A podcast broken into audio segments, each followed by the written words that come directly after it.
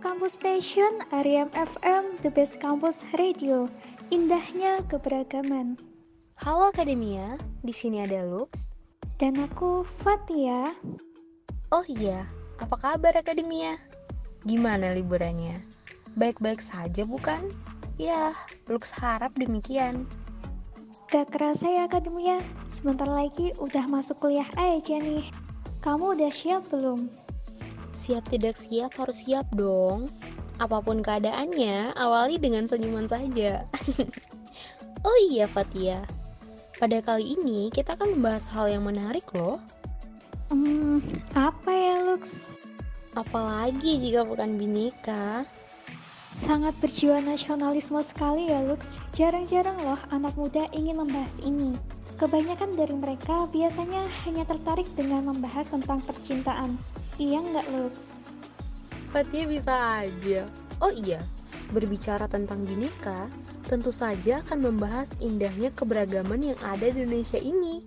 Dan lu rasa ini adalah topik yang memberikan kita pengetahuan lebih banyak mengenai bagaimana keberagaman yang ada di Indonesia ini. Keberagaman, indahnya keberagaman. Wah, sepertinya aku punya pertanyaan yang tepat nih untuk kamu, Lux. Eits, sebelum beranjak terlalu jauh nih, hampir aja lupa. hmm, lupa apa sih, Lux? Lux mau ingetin Akademia untuk ikutin terus sosial media Ariam FM. Di Instagram, Rem FM UNES, Twitter, Rem FM Semarang, YouTube, Rem FM Semarang, Spotify, Rem FM, dan website remfm.unes.ac.id. Jangan lupa juga download aplikasi Rem FM di Google Play Store. So, now we are go back to the topic. Lux juga ikut penasaran sama pertanyaan yang ingin Fatia tanyakan. Sekaligus deg-degan sih sebenarnya. Kok deg-degan sih? Kan sedang gak ujian skripsi, Lux. takut aja gitu, takut salah jawab. santai aja, Lux. Soalnya saat ini kita sedang ngobrol santai. Jadi dibawa santai saja ya. Nah, aku mau tanya nih, bagaimana keberagaman yang ada di daerah kamu? Dan apakah di sana memiliki nilai toleransi yang baik atau sebaliknya? Wih, luar biasa sekali ya pertanyaannya Fatia. Nah, untuk di daerah aku sendiri nih, tepatnya di Pasangkayu, Sulawesi Barat, masyarakat di sini memiliki rasa toleransi yang sangat luar biasa. Kenapa Lux katakan demikian? Karena dari pandangannya Lux nih, di sini seseorang dibebaskan untuk mengekspresikan diri mereka sesuai dengan ciri khas suku ataupun agama mereka tanpa ada niat menjatuhkan satu sama lainnya. Hargai budayamu tanpa menjatuhkan budayaku. Seperti itu ya, Lux. Nah, tentu saja dong Fatia. Oh iya, kalau Lux boleh tahu nih, di tempat Fatia gimana? Apanya dulu nih? Dengan pertanyaan yang sama Fatia, gimana keberagaman yang ada di daerah Fatia. Berhubung kita kan berada di tempat yang berbeda nih. Aku di Sulawesi sedangkan Fatia ada di daerah lain. Daerah yang belum pernah aku kunjungi. Nah, kalau di tempat Fatia sendiri, nilai toleransinya sangat tinggi, Lux. Di sini banyak tempat ibadah berdiri, ada masjid, vihara, kelenteng, gereja, dan masyarakatnya pun guyup rukun. Sungguh luar biasa sekali rasa toleransi dan saling menghargai yang dimiliki masyarakat Indonesia ini ya. Lux jadi bangga. Iya Lux, dan semoga saja akan tetap seperti ini ya, karena seperti yang Soekarno katakan, bahwa pengorbanan pahlawan dahulu lebih mudah daripada tanggung jawab yang dimiliki oleh penerus bangsa. Kok bisa Fatia? Iya, karena tanggung jawab bangsa sekarang adalah mereka akan dihadapkan untuk melawan bangsa sendiri. Konon katanya akan ada penjajahan oleh bangsa sendiri nih. Um, menurut Lux nih ya, pemuda saat ini sangat cerdas.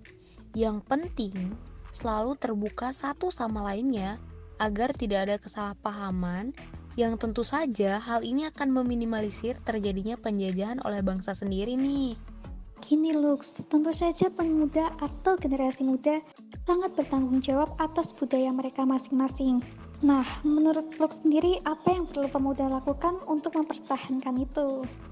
Kalau menurut Lux sih, um, tentang gimana mereka menghargai budaya.